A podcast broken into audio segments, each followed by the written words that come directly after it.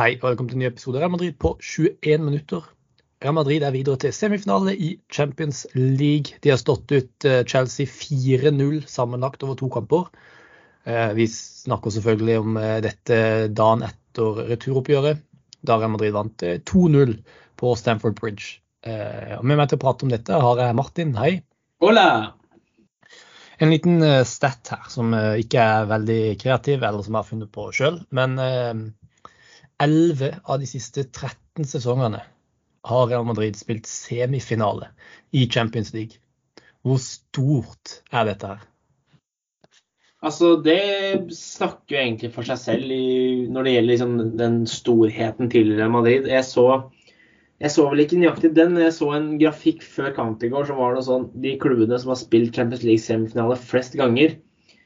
Eh, og da bet det meg litt merke at eh, av de lagene som man ser på, eller da, da, så på som plausible for å gå til en semifinale, eh, som utgangspunkt i kampene i forkant, da var eh, Real Madrid, Milan, eh, Inter og eh, Manchester City, så var det kun Real Madrid og Milan som eh, holdt på å si, var innenfor topp ti av lag som har spilt antall semifinaler i Champions League noensinne hvor Real Madrid var på topp og Milan var på bunn. Milan hadde vel en seks eller syv eh, stykker, mens Real Madrid hadde jo da, som du sa, det her var vel jeg husker ikke totalt, men 11 på de siste 13 årene, det er eh, helt eh, spinnvilt tall. Og det er jo nesten eh, Man kan nesten si 11 på rappen nå, fordi de to årene man ikke gikk til semifinalen, det var jo eh, to år på rad. 2018-19 og 1920. Og den 18-19-sesongen var en sånn slag i trynet-sesong etter Ronaldo forlot klubben, og den 1920 ble veldig mye tull med alt av covid som var.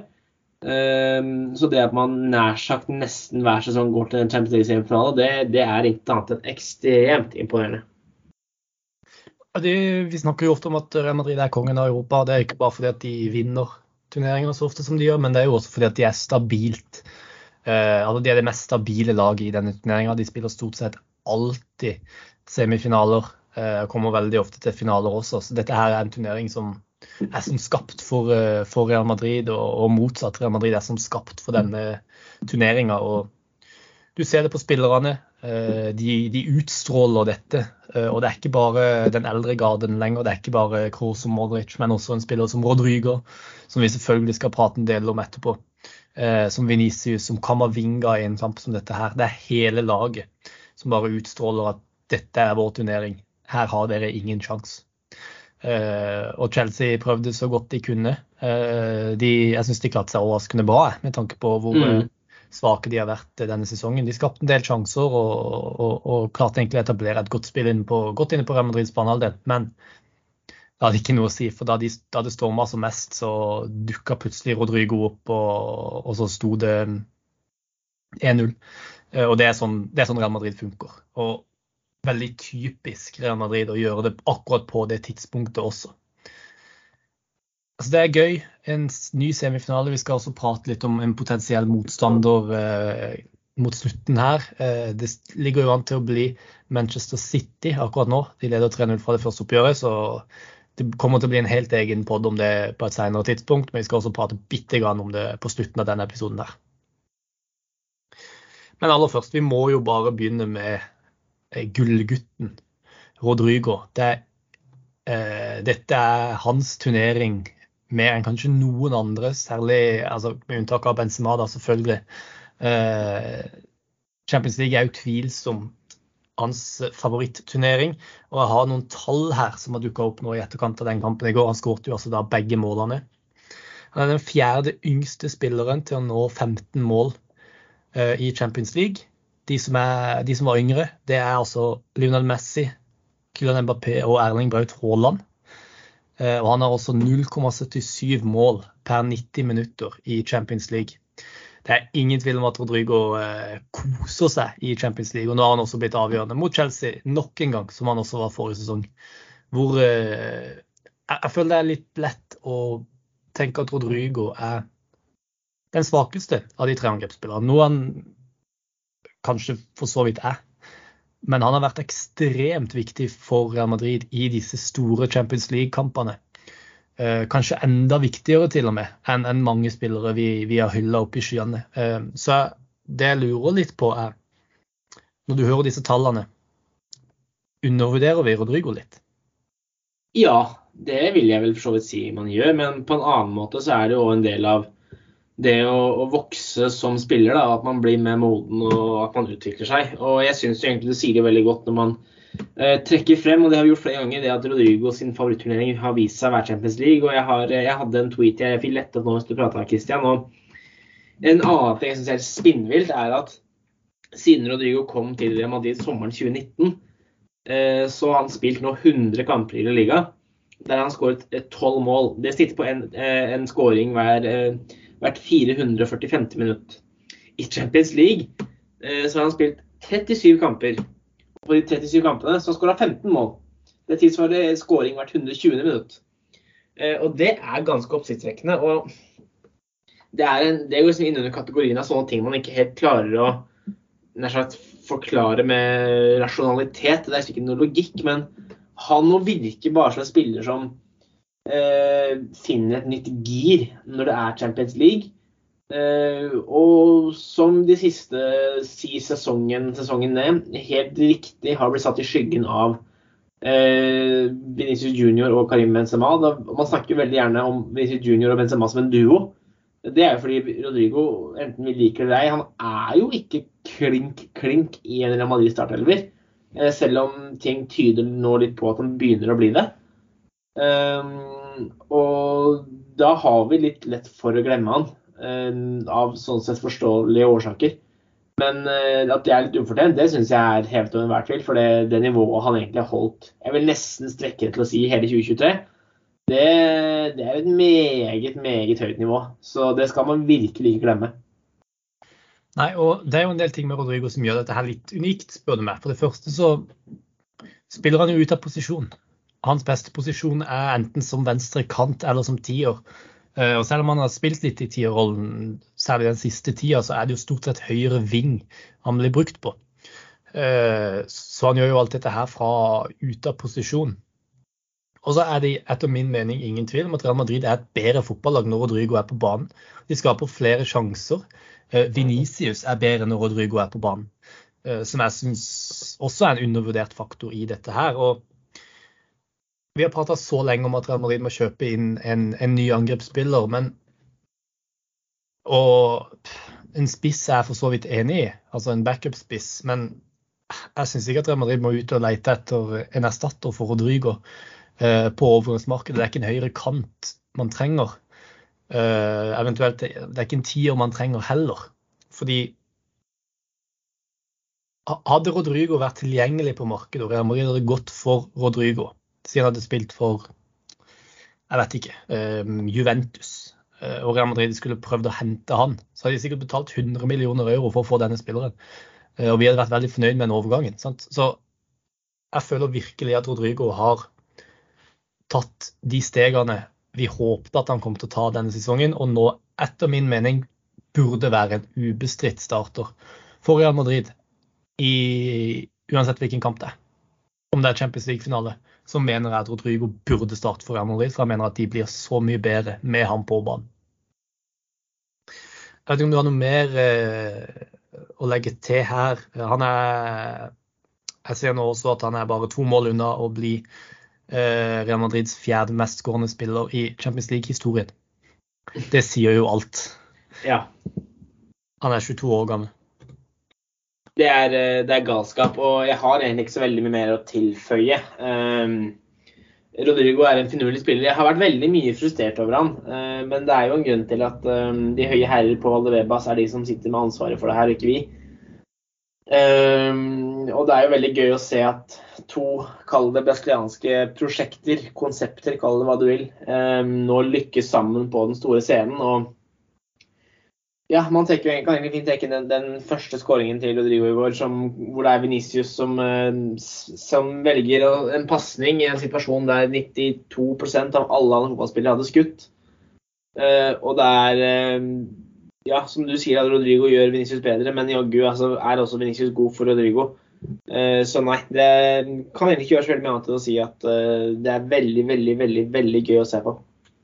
Definitivt. definitivt. Rodrigo er en fantastisk spiller, og det er en glede å se han spille fotball. Og ikke bare han, men også Finisius f.eks., som jeg syns spilte en veldig god kamp i går også. Kanskje ikke like innflytelsesrik som han var i den første kampen. Det er åpenbart at særlig for Fana, da, Chelseas høyre midtstopper, klarte seg bedre mot Venicius denne gangen enn det han gjorde sist. Og også Reece James eh, var bedre i duellene med Venicius denne gangen. Men eh, det, det, er særlig en spiller til jeg har lyst til å prate litt om. og Det blir jo som regel sånn når vi spiller inn pod, men det er jo Eduardo Camavinga som går inn, gjør venstrebacken til sin posisjon. Ser ut som eh, verdens beste venstreback nå. og i går også. Helt fantastisk prestasjon. Det er kanskje ja. noe vi burde komme tilbake til på et senere tidspunkt. da. Men, um, men Dy skal jo egentlig være tilbake fra skade til disse Manchester City-kampene. Mest sannsynlig. Men er det sånn at han går rett inn i laget nå? Jeg syns ikke han burde det. Uh, her har man en ung spiller i Kamavinga som har uh, vist seg tilliten verdig. Han har grepet den sjansen han har fått, til tross for at den har vært ute av posisjon. Uh, og da syns jeg at han skal belønnes med å fortsatt ha, få tillit der jeg, når, det er sagt, så syns jeg jo at det Chelsea ofte skapte i går, spesielt i første omgang, det, det kom jo ofte ved at de eh, var litt strategiske og valgte å angripe den siden til Kamavinga. Og når du da fikk en, en, eh, en 5-3 bak-formasjon med veldig høye bekker, og ikke minst møter Reece James, som er en av verdens bedre eh, offensive høyrebekker, så hadde Kamavinga sånn sett sitt å stri med, da, når det man kan si på den måten.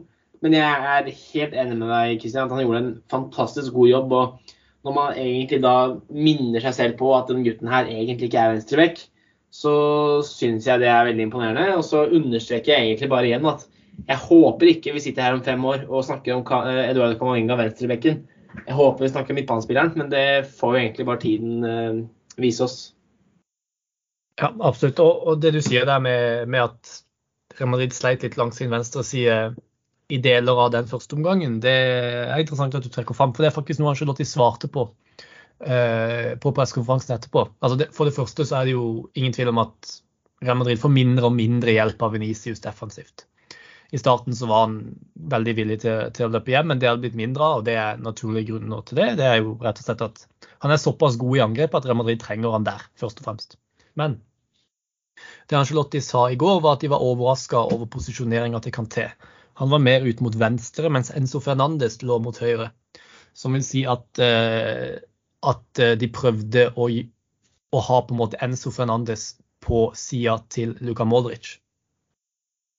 Uh, og det var der den kreative kraften i dette Chelsea-laget kom fra, fra den høyre sida med Reece James og, og, Enzo Fernandes. Og det gjorde at Kamavinga ofte måtte forsvare seg mot to spillere.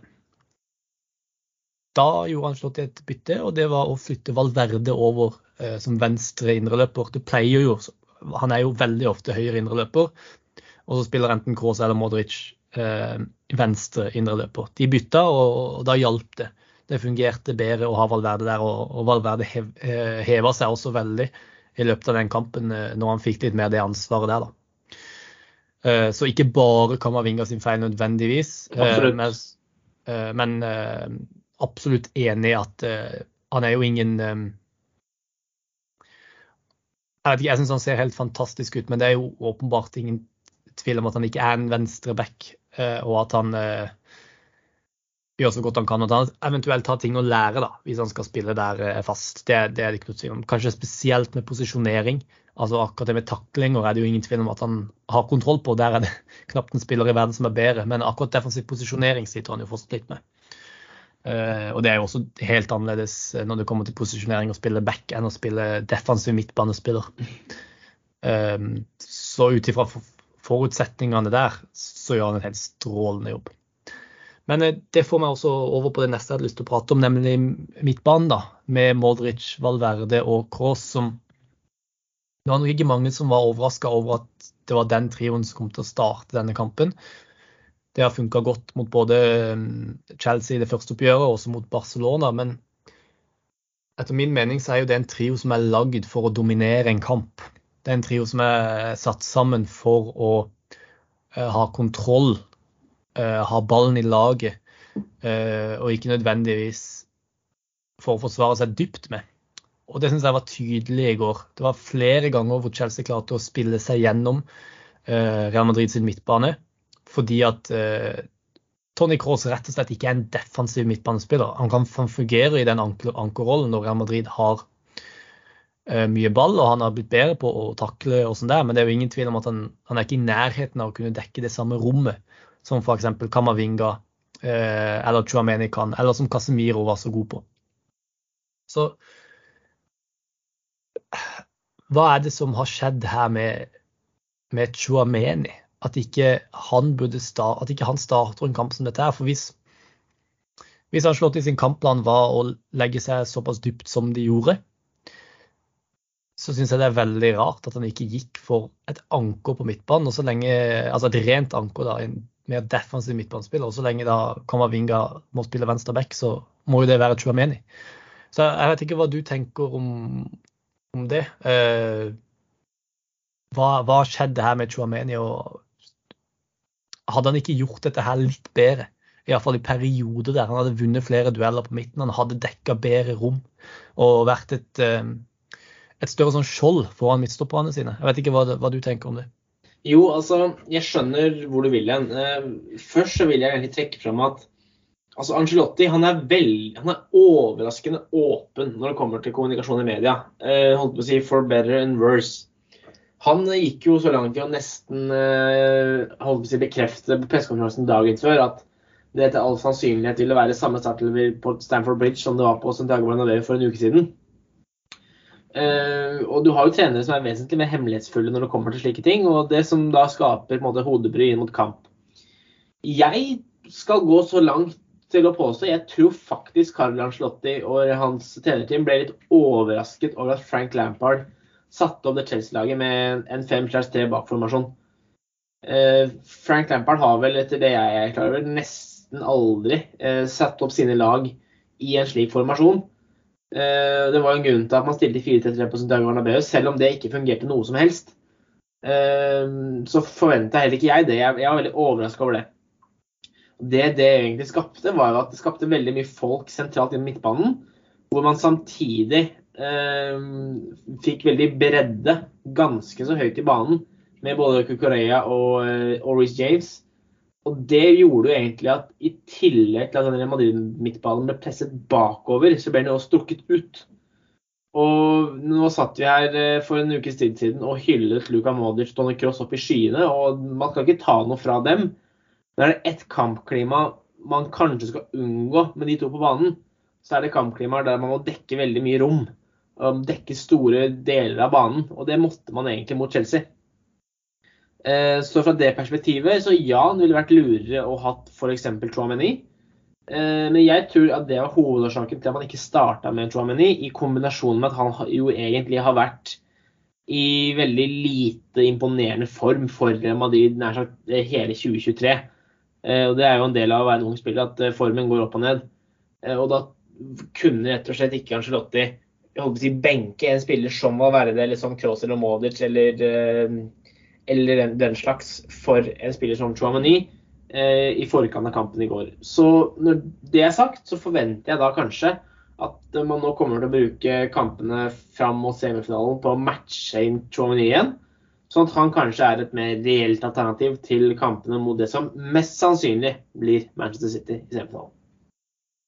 Ja, for det er noe med det at La oss bare hoppe rett til, til Manchester City, da, siden vi er inne på dette her. Og det kommer til å være et helt annet kampklima. Jeg tror ikke at Real Madrid kommer til å gå ut for å dominere den kampen.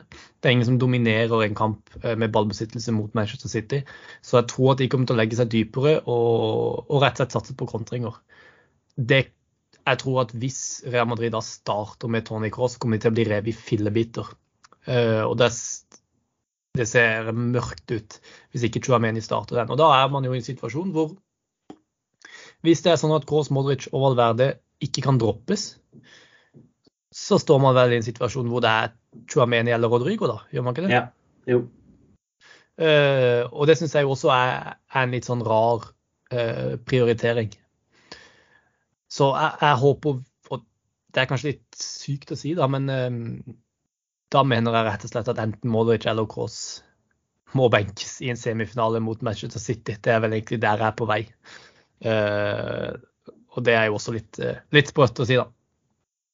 Ja, det er jo litt uh, Det høres helt, helt sinnssykt ut når man måtte få sagt de ordene høyt, men jeg skjønner jo hvor du vil hen.